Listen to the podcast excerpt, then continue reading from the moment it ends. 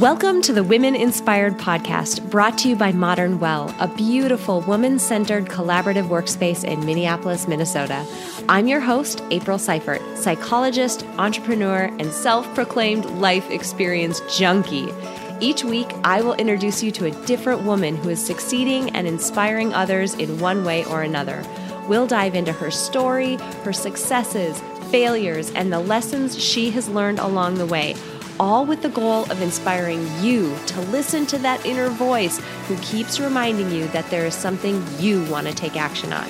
You are so much more capable and powerful than you give yourself credit for. Inside of you is a woman on fire. Let's let her out and see what happens. Here we go.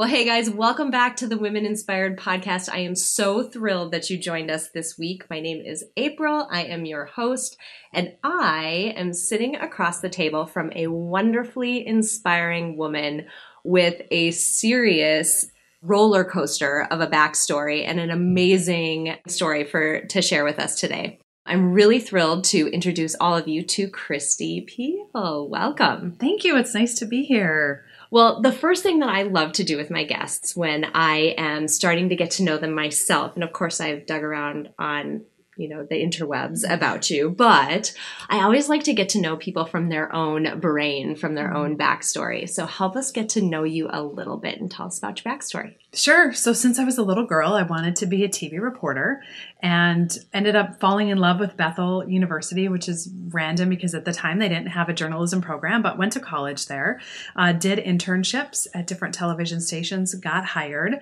and uh, worked i lived my dream. I worked at five different stations and i wanted to get back to minneapolis where my family is from and uh, my husband and i i met my husband in high school and he did the traveling with me and uh, we got we had children and got back to minneapolis. I worked at the abc station and during the economic downturn when i was an investigative reporter my department was let go and so without any warning uh, within six weeks of winning two Emmys, I and I was have been talking about my next contract with them. I was uh, walked into a room with tissues in the middle of the table and was told by uh, my boss at the time, "This is harder for me than it is for you." Oh, which is like the worst thing. and um, it wasn't because um, she had a job still. You're like, in fact, actually, there's a thing called a paycheck. Right. Uh, so I was uh, let go, and I finished. I was working on some stories, so I finished out my stories and took time to figure out, you know, if my dream was going to end and what I thought I was um, put on this earth to do. I needed to figure out what was next, and I took some time with my kids. And God bless the stay-at-home parents. Uh, it was not my long-term role.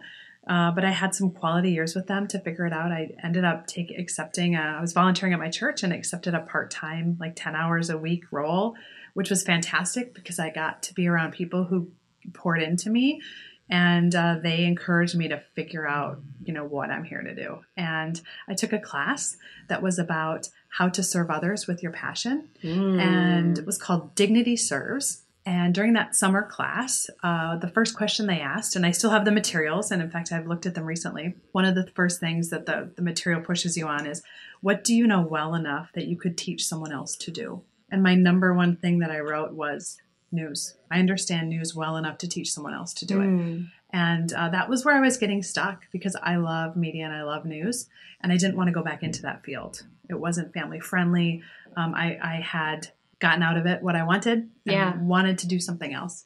Uh, so within, I called my husband who was working in New York at the time. I remember where I was in the church parking lot and um, right across the street from the church and called him and I said, I'm going to start a business. And he said, Great.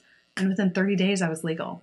Holy cow. Yeah, and that was seven and a half years ago. That's amazing. What are you doing today? So I started the company. It's called Media Minefield. Uh, we are an earned media agency. We're one of, as far as I know, the only ones doing what we're doing, how we're doing it. I hire journalists, and we. Uh, I spent the first year by myself figuring out how to take someone who has a decent story, a brand, a business, a person, and get them press in a way that helps them. So, as a reporter, what I regularly saw was traditional PR didn't work. it didn't work regularly, it didn't work consistently. Uh, generally speaking, the PR people that came in with their clients had never been in media.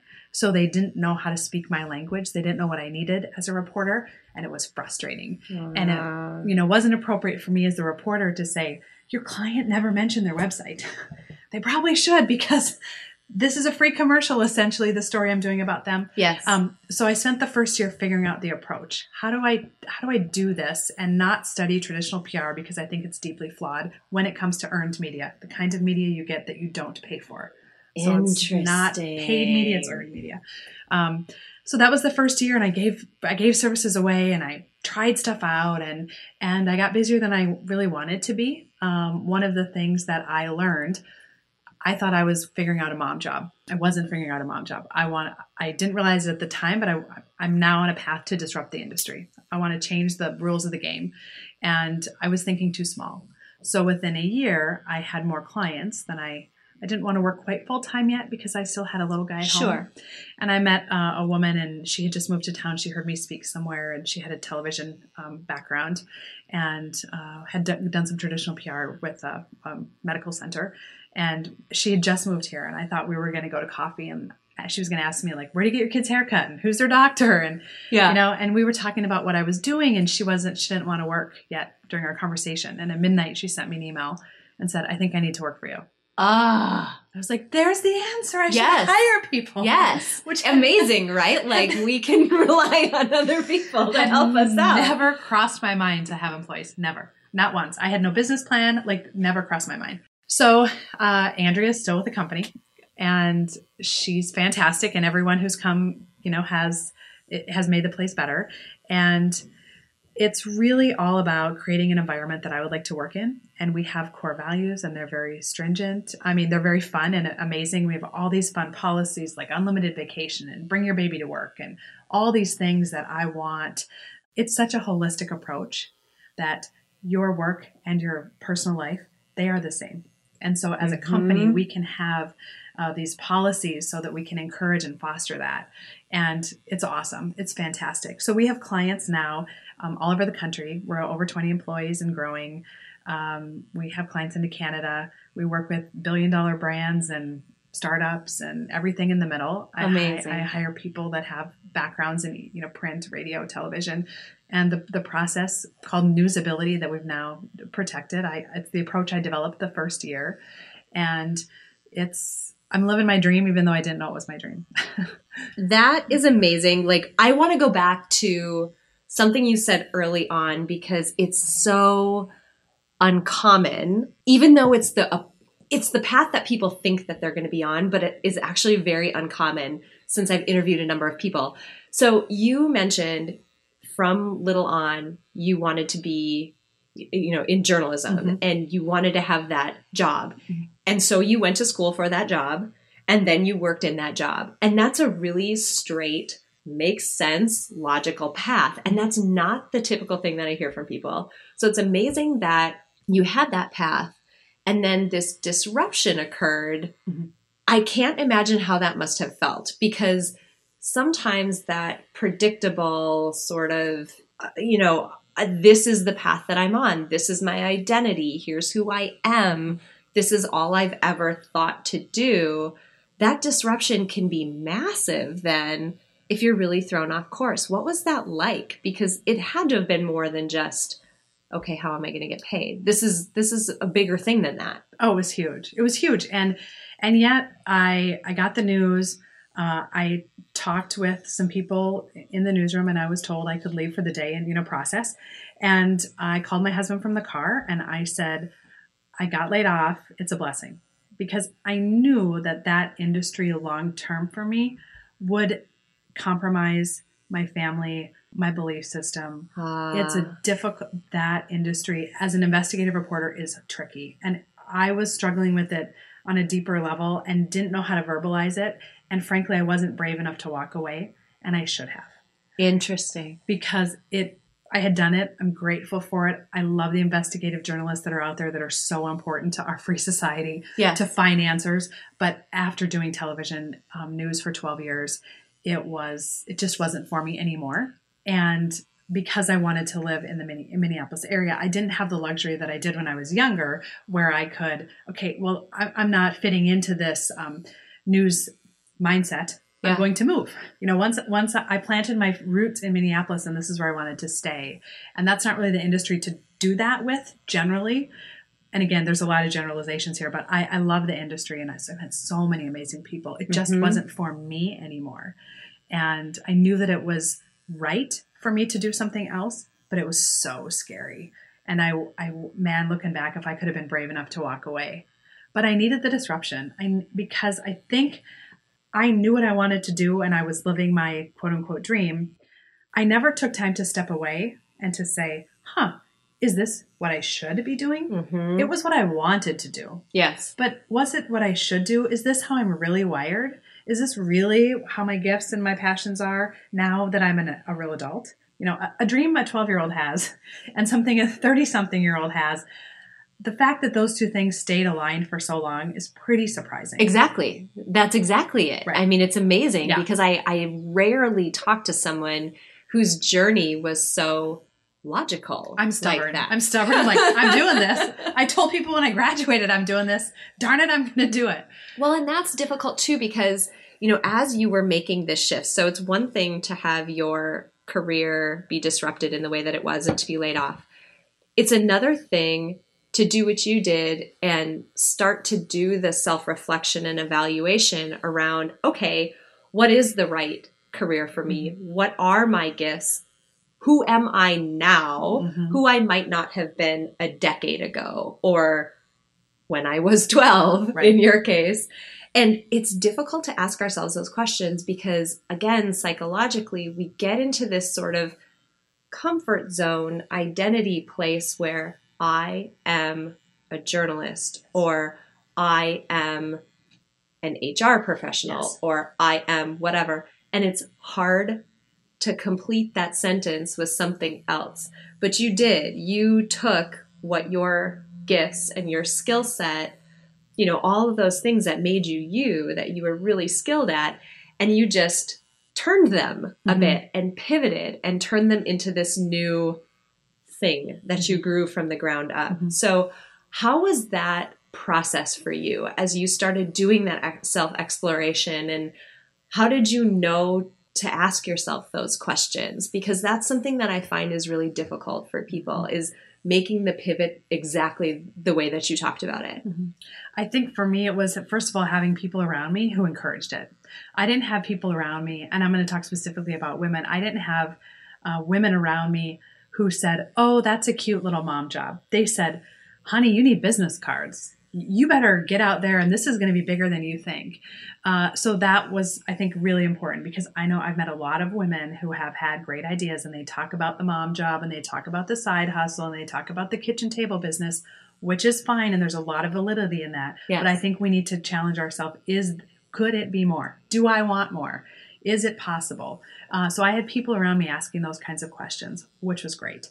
Uh, during the self reflection, oh my goodness, what am I going to do with the rest of my life? Question, I got really clear about my priorities. And I knew that my family was my number one priority. And whatever I was going to do professionally, that had to fit in. I wasn't going to compromise that anymore. So that was number one. My faith is really important to me. So I needed to really spend time digging in and understanding how how did God make me? And, th- and that I took time with that. Um, and then the last thing is that I took you know strength finders and all these mm-hmm. different kinds of tests and reading. And I spent, once I did all of that, I kind of then went back to, okay, before I had the dream, before I had the 12 year old, I'm going to be, you know, TV anchor reporter, what, what was I doing? You know, and I was starting businesses. I was selling Avon in seventh grade when girls started wearing makeup in the gym. No one did yeah. that. Right, no one did that. That's amazing. Because girls started wearing makeup and I could sell I could I could get free makeup if I sold them makeup in the locker room and see, to me, this was just normal. So I had never really spent time like, what did I do before? What else did I do? Right, because your job is not you. You yes. your job is a thing that you do, yes. right? And yes. you are the more permanent yes. piece of that. And it sounds like you were tapping into that. Yeah. What do I really love to do? Like what do what could I do that if I never got paid, I would be fine, which is how I felt about television news. I loved it. I mean, I loved it. And I was shocked from my first job when I went from an intern not getting paid to getting paid. So, what could I do that that wasn't my motivation? Because there's a lot of things you can do for money. And I have certainly at times in my life needed money, and you can get jobs for money. But if I'm going to really reinvent myself, what could I do that was deep inside of me and so it was, I love telling people stories. I love helping people. I love business strategy. I love selling stuff. I always have. Um, I love communicating. So all those things like put together are the new me, which really was me all along. But I needed this news career to get to so that I could use everything else.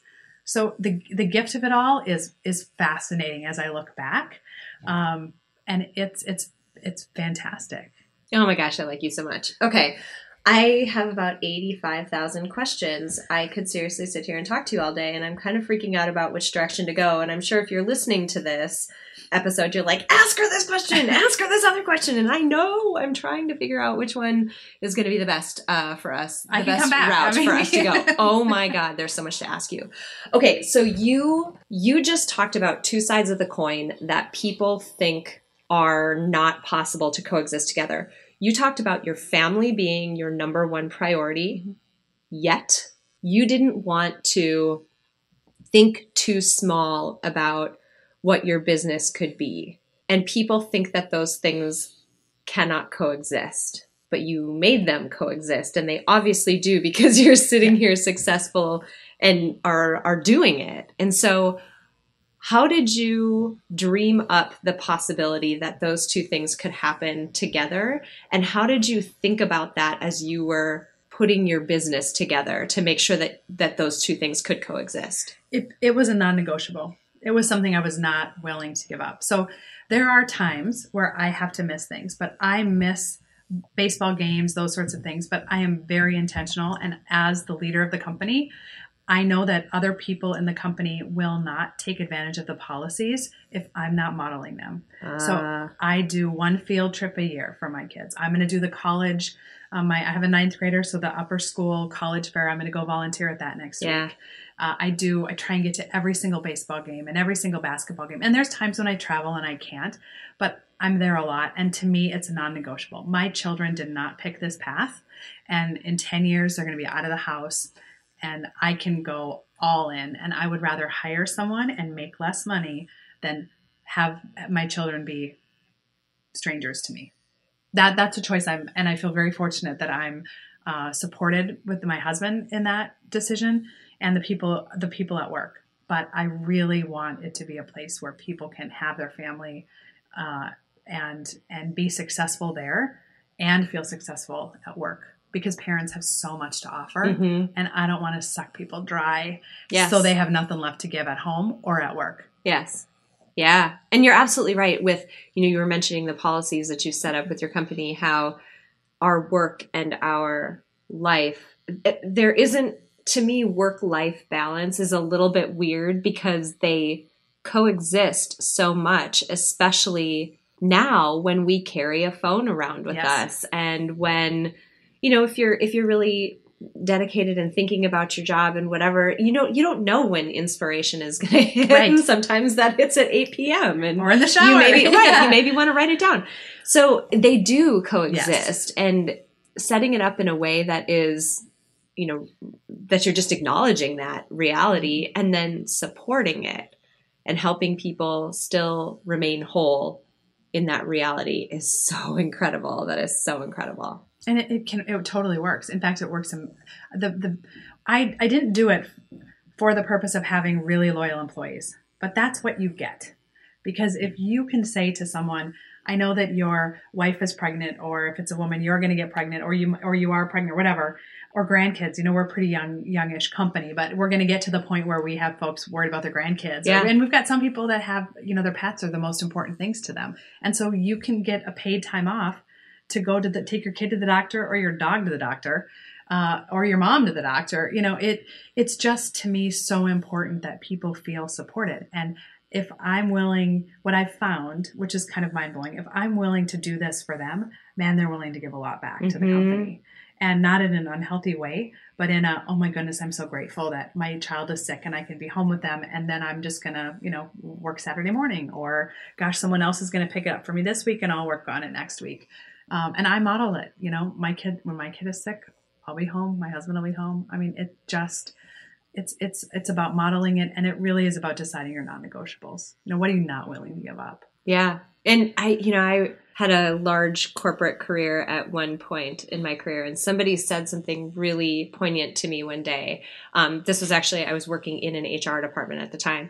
And she said, you know, if we set these policies in a way where they're constantly restricting, restricting, restricting, and taking away and taking away, people are human beings and they will make themselves whole. And so that's sort of the opposite of what you're saying, right? Like if you continuously take away from people, they're going to find a way to fill that gap. Whereas if you're constantly giving to them, they're going to have extra that they can put back in and they're going to be willing to do that same thing in return either for the company or for another colleague who works mm-hmm. in the company and they want they will fight for the values i mean you know our core values are critical to what we do and it um, really sets the boundaries.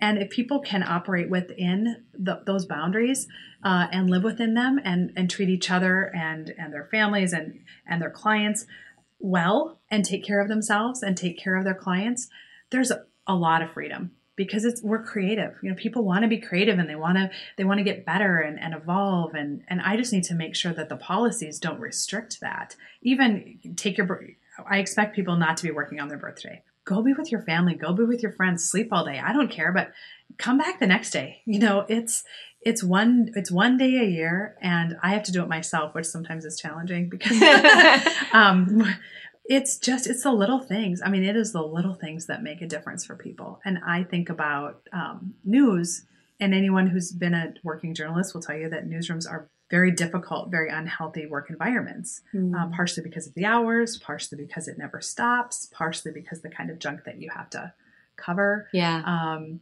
and and there is no room for kids' birthdays or sick kids or uh, you have to go buy a house or like all these different things that like just life, life happening. Yeah. There's no room for that. Totally. Um, and I just wanted to do the opposite of that because there are some really talented people who shouldn't have to pick between, well, I've got kids now, so I need to work part time. Why? We don't have to work nine to five. You can get your full time gig in, or you can be productive at a full time capacity, and it can just look a little different. So I think that we're really restricting as a culture working parents you guys who are listening to this, you want to like take this and like have your boss listen to it. I guarantee that's what you're all thinking. I sort of want to send this to previous bosses of mine and be like, "Hi, could you just listen to this a little bit?" Because um, that is wonderful. I want to switch gears just a little bit and talk about your area of expertise a little bit mm-hmm. because it is fascinating to me that you know you've mentioned a couple of times that you know the traditional model of you know how people get their message out there and all of that. It's just you you've seen some flaws in it and you've developed this i think you called it newsability. You've you've developed this you know path that's all your own. Mm-hmm. tell us a little bit about it. Like what did you see that was missing or did, what needed to be changed? And then how did you go about developing your own you know way of doing things? Traditional pr can cover so many different things. And i have a ton of respect for people who are in the traditional pr world. Earned media to me is a different beast that should be separated out. It is impossible, in my opinion, to have a firm where events are planned well and social media is done well and paid advertising is done well and news interviews are happening. Those are, it's like going to the hospital administrator and asking for heart surgery. Mm. Those are very different things. And one of the trends that we're seeing is uh, more and more corporations are seeing this and choosing to, to get really um, specific companies to do these specific different genres of work because social media is changing so fast. How could someone stay up stay up to speed on that unless that's where they are? Yes. So it's it's this specialized approach and that's where we've stayed. Now i've made mistakes where we thought we could be a video production company and we thought we could do social media and those are shut down because we really are good at this one thing. So let's just focus all of our energy there. So um, our the newsability approach is to really understand a company's message and what their goals are. And every company that has worked with a marketing firm or a PR agency has done that, but we take it a step further and we write a message map that's sound bites. So it's how do you take your message and delivered in sound bites, assuming your audience is a drive-by audience that is sort of paying attention to that this content is really valuable on social. So you need to be communicating in a way if you're doing an immediate interview that can be leveraged on social, and you need to be talking in sound bites, or you will never get interviewed again. so how, how, most people cannot talk in sound bites, and uh, journalists love interviews that can be talked to in sound bites. So we write the message map, and then we train them. So we put together. Um, an interactive kind of uh, proprietary media training, call it Media Magic, and it teaches them how to do an interview, how to speak in sound bites, what should they wear, what should they be thinking of, all of these different things. And then we don't use news releases. Uh, we reach out directly to journalists all over the world to get our clients press and it's just about relationships. You know, we have gone too far. I'm going to sound like a really old lady. We've gone too far, um, but it's all about relationships. You know, and because we speak the language of journalists, we can call up a journalist and say, "We've got this client. Here's our amazing story. Not here's their event. Here's their amazing story, and here's what your audience can learn from them."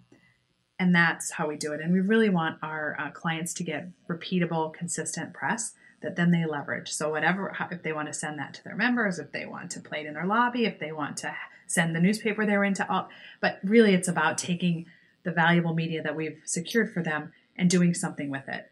Social media is fantastic. There's so many different ways to leverage it, but it's in the in the day of fake news, which we live in now. Real legitimate news is very valuable and very hard to get. Interesting. Oh my gosh, that's so interesting. And I what I what I think is really interesting about it is that there's a side to this that the average person just doesn't just doesn't know. How could I mean, they? right. Yeah. We I mean I I watch the news obviously and I I'm a consumer of it, but there's these facets to it that an expert would be the only one who would know. So I I'm just imagining sitting here that there's a ton going on behind the scenes that I would have no idea how all of that comes together and even what it took to get that person in that seat. Yes. And have that person deliver a key message that is clear and concise and as you mentioned sound biteable. Yeah. And has an actionable step. So to do an interview without telling anyone what you want, without being an infomercial, is an art. So if you have a company and you want them to visit your company, you have to tell them how to do that in a way that isn't visit www dot you know? Yeah. so it's it's it's the people that at the company are fan i mean the the initial concept was good and right and the time in the environment in the media environment for the idea for the company was right. The people who have come since have made it better and they're amazing. I mean we have we have a counter going. Our goal is to get 20,000 interviews in five years, 20,000 news, Wow. specific news interviews. It's ridiculous. And we're at, so we're a year and a half in. Um, and already this year we've had over 2,000. Wow. So it's nuts. I mean, it's crazy what they're doing. And it's from, we had a client on national news over the weekend. We had, at any given day, we probably have a dozen or so. I mean, it's, it's constant and they're so good. And we have a hundred percent placement rate. So every client we've ever worked with has gotten press. I mean, you just don't hear that anywhere. So it really is the purpose of disrupting the industry. I want to, I, I want people to realize that their marketing dollars can be spent well. And this news interview stuff, whether it's print or um, television or radio, podcast, it's not for everybody. But for people who want to do it, they need to be asking different questions because Yeah. so often I talk to companies and they'll say, Oh gosh, well, we have a budget item, but we don't really expect to get any interviews. Really? like no other part of your budget can be, you know, well, our house needs a new roof, but nah, we don't know if they're actually going to shingle it. Like, why is why do we expect something different from like PR? no outcome, no measurable outcome. If your call, if your PR firm is sending you reports of who they're calling and who they're reaching out on your behalf, and your business isn't getting bigger or your website isn't getting more hits, then probably I need a new firm. So yeah. the measurables are wrong. This is what the whole industry needs to be like, you know, flipped. And that's what we want to do. I love that so much. And what I also love is that sometimes it's hard for people. They do feel like, oh gosh, you know, sales just isn't something that I do. Self promotion is really difficult for me. But I love the way that you explained it in terms of a relationship. And basically, what you're doing, that journalist who's sitting on the one side of the desk, mm-hmm. they need something, right? Yes. They need a story. They need something compelling to provide to their audience. So if you can do that, you're adding value to that journalist and they in turn are adding value to you by getting your name out there and getting, you know, whatever message or company that you have out there. Mm-hmm. So it starts to feel I actually wrote a blog post a while back on LinkedIn just randomly about networking because it feels so slimy to people and gross. Like I'm going to put this name tag on and it's going to have my name on it and I'm going to go try to like get something out of these people at this networking event. And that isn't it at all. If you can be providing value to somebody and vice versa, this sort of naturally starts to happen and it doesn't feel as inauthentic and contrived. It's more around how can we both add to each other and come out ahead of where we're at right now? Exactly. Exactly. There's so many things that are new, just happening in the news. So we work with, you know, physicians and lawyers and real estate agents and all these different, um, different types of people. And in their, so let's say a cancer physician. So um, a cancer physician, there may be a study that comes out about breast cancer and something new that's coming out of breast cancer. We know that the news is going to be interviewing physicians all over the country about this study well, certainly we want to make sure that it's one of our physicians who's talking about it. They have the credentials, they've been vetted, they've been coached. And so if we can go to a journalist and say, we know you're going to be talking about this, here's the background of this physician. And yeah. by the way, they've done some studies themselves and they can add value to your viewers. And here's their website.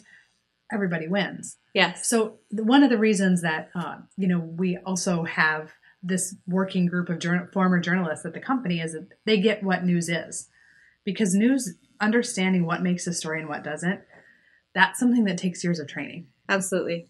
Okay, two practical questions or a practical type mm-hmm. tip question for two types of people. Sure. First type of people, for women who were in the position that you found yourself in or maybe they were they found themselves there for different circumstances but they're in this position where maybe they have an idea maybe they their job has ended and they're looking for what the next possible thing is. Maybe they're thinking of starting a business. Maybe they have and it is small whatever that happens to be. You know you were in that position at one time where you were thinking about what this company could look like and have grown it since then.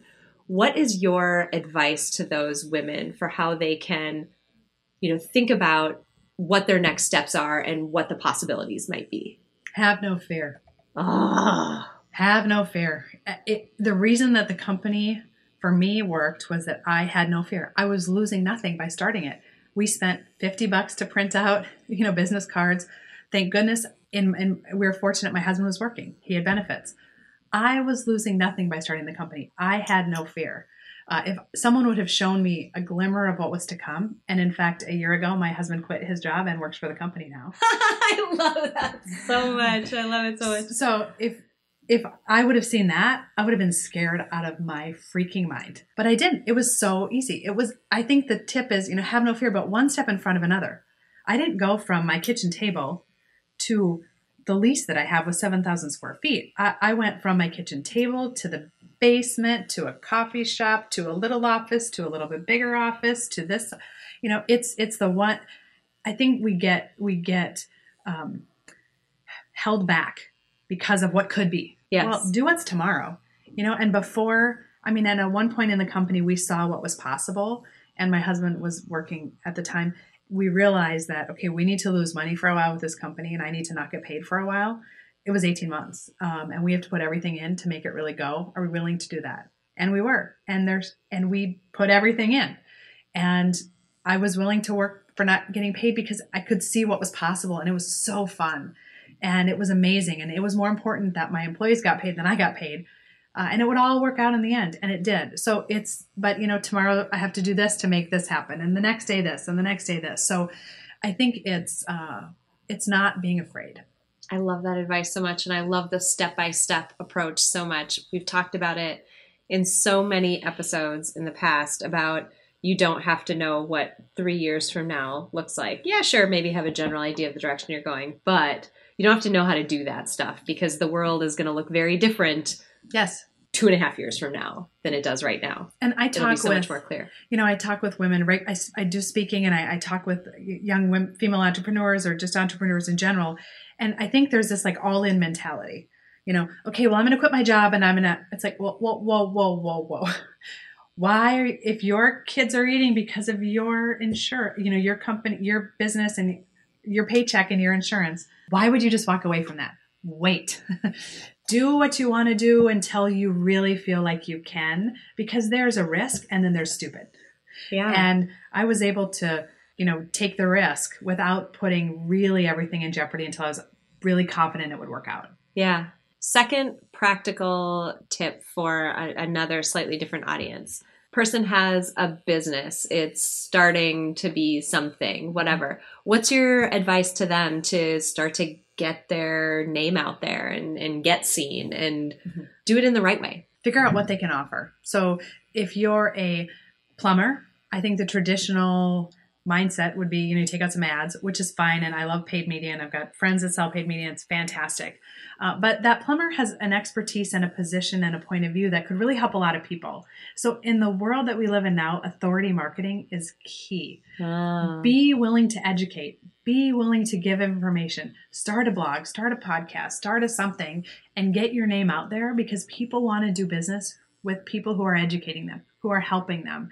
It doesn't mean you have to like do a how to on how to fix a toilet. I mean, you need to, you can't give everything away, but give some specific advice uh, to help other people. What, uh, like, decide what your expertise is and share it. And chances are your competitors haven't done it yet. Social media is a great way to, you know, all right, it's going to be 40 below tomorrow. Uh, make sure that your pipes aren't frozen. I'm making all this up clearly. Yeah. I know nothing yeah. about this, but you know, like give some like help. You know, help people. They they everyone has something to give. I love it. And I lied. I have one more practical question for you. So it's really easy these days to be in maybe the position of just getting started and then look at you as you know as to where you're at now or social media makes it so easy for us to compare ourselves to other people who have made it who are successful who whatever that happens to be and that definition of what it means to be successful, it can be really hard to swallow sometimes when you feel like you're in one place and at one stage of your journey and you're looking at somebody else in another stage. How do you think about the idea of success and what advice do you have for people who might feel compelled to make that comparison and, and start to go down that rabbit hole? Your energy is spent doing something else because there is always someone with more, someone with less. I have friends with multi, multi, much, much bigger companies than mine. And I have a, a good friend who's a stay at home mom with four kids, and she is successful. And success is not about what your W 2 says or how many employees you have or what your Christmas card letter says about your children. It's about are you satisfied at the end of the day? Are you finding joy? Are you doing what you're put on this planet to do? And that's it. I don't even know where to go from there. I feel like that was amazing. That was perfect and just beautiful and so aligned with so much of what we talk about on this podcast. This has been absolutely wonderful. Before I let you go today, I have to ask you the last question that I ask every single person who I interview. We are compiling a Spotify Power playlist, which is a playlist of motivational songs for women to turn to when they need a little pick me up during the week. So I have to ask you for your contribution to our playlist. Sure. My mine is Oceans, and I had to look it up because it's like a longer, but it's Oceans Where Feet May Fail, and it's ah. by Hillsong United. Uh, it's it's gotten me through some times where it, you just have to keep walking in faith because you know whether it's as a mother or as a wife or as a business owner there are days where the next one looks really hard or the next quarter looks like you could be in the red or and it just has to be about man i got to have faith that this thing is going to work out because i can get myself wound up about something. And frankly i don't have control. I cannot fix that problem today. I'm going to fix the problem i have right in front of me and i'll worry about the next problem. And that has really helped me. I love that so much all right people are going to be super excited about you where can they find you I mean, I guarantee they're going to want to like follow you all over the internet. Oh, now I do too. So. um, LinkedIn. I'm I'm working on getting some content. Uh, we just launched a new website. It's media m e d i a hyphen minefield uh, .com and I'm going to be putting some new content up there because I have to follow my own advice, right? I just said, you know, if you're get out there with some information, but I'm passionate. You know, what what are the three things your PR firm should be telling you? What are the three things you need to know if you get called to do an interview? So I'm going to be writing some of that content and putting it on the website. Our social media for the company, Media Minefield, all the links are on um, the website. Also, my LinkedIn, I share content there as well. And uh, I'm a little bit envious of you because one of my 2018 goals is to start a podcast. yes. I want to interview people that have uh, f- how they use earned media and what it has done for them and what tips they would have for other people. Oh, I love that so much. So, so valuable. This has been wonderful. I so appreciate you coming in, you being so vulnerable and open to share your story, ups, downs, good, bads, all of it the pieces where you were certain and uncertain in all of it. I love the advice that you gave. I love the no fear aspect of it and taking one step at a time. That was all just fantastic. So thank you so much for sharing your story with us today. Thank you. It's been a pleasure. Oh my gosh, you guys, I hope you enjoyed meeting Kristi Piehl as much as I did. I like her so much. I was excited about her interview when we started talking and putting it together. I was excited about her interview when I started to look at her backstory online, but she far exceeded my expectations and is just an amazingly inspiring woman. And I'm so excited that you, I got to introduce her to you. Now, there are three things that I want to call out from her interview. Number one, we had such a great discussion about the difference between your own personal identity and then what your job is. And for many of us, those two things start to overlap a lot. You know, one of the most difficult things that I experienced when I became an entrepreneur is I lost the ability to answer the question, So, what do you do? I can't answer it extremely easily right now. I actually have a lot of things in the hopper and there are a lot of things going on. And it's actually a bit difficult to not be able to say, oh, I'm the director of blah blah at blah blah company. That sentence starts to become our personal identity. And it's so important to remember that your job and your career it's just a thing that you're doing. You, the person, you, the identity, is completely separate from what that job is. Now, they may hit on some of the same strengths, and let's hope that that's the case. But you as a person are so much more than just your job. And I loved the discussion we have because that notion right there was one of the things that helped Kristi make the transition when she was laid off from her job. She was able to look back in herself and realize that there was a person there before this job came along. So keep in mind your identity is not the same as your job. Second, we talked a lot about having these non negotiables, or another way of saying it is personal policies. What are your non negotiable personal policies? As a rule, I don't what? As a rule, I do what? What are the things that you absolutely require and what are the things that you absolutely cannot work with? And it's so important to think about those things and have them really firm in your mind because when you come up against a situation that doesn't feel good, you at least have those written down and firm in your mind so that you have something to go back to to help you make decisions.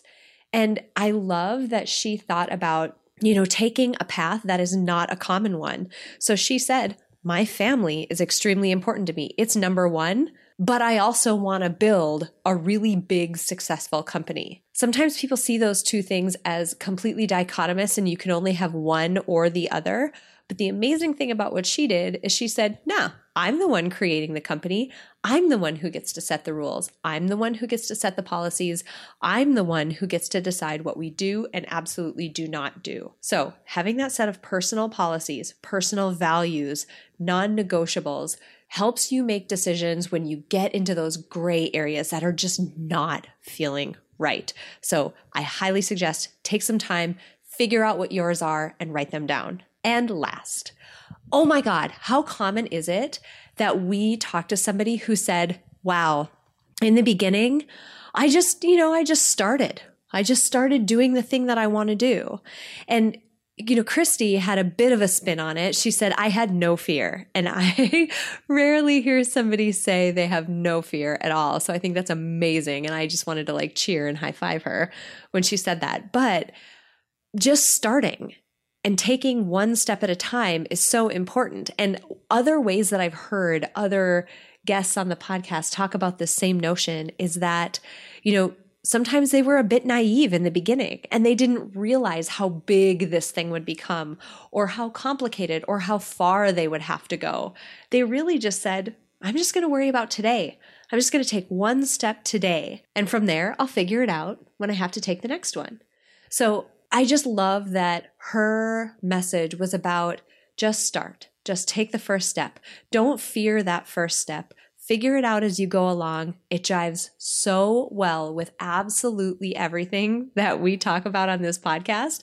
And it is such a big theme between what Kristi talked about today and what so many of my prior guests have talked about. Before we close out today, I want to say thank you to my producer, Cameron Hill, and to my incredible sponsor, Modern Well. If you want to learn more about how you can reach your goals in a one of a kind work life community, visit www.modernwell.co. If you enjoyed this episode, please share it with someone else who might benefit from this inspiring message.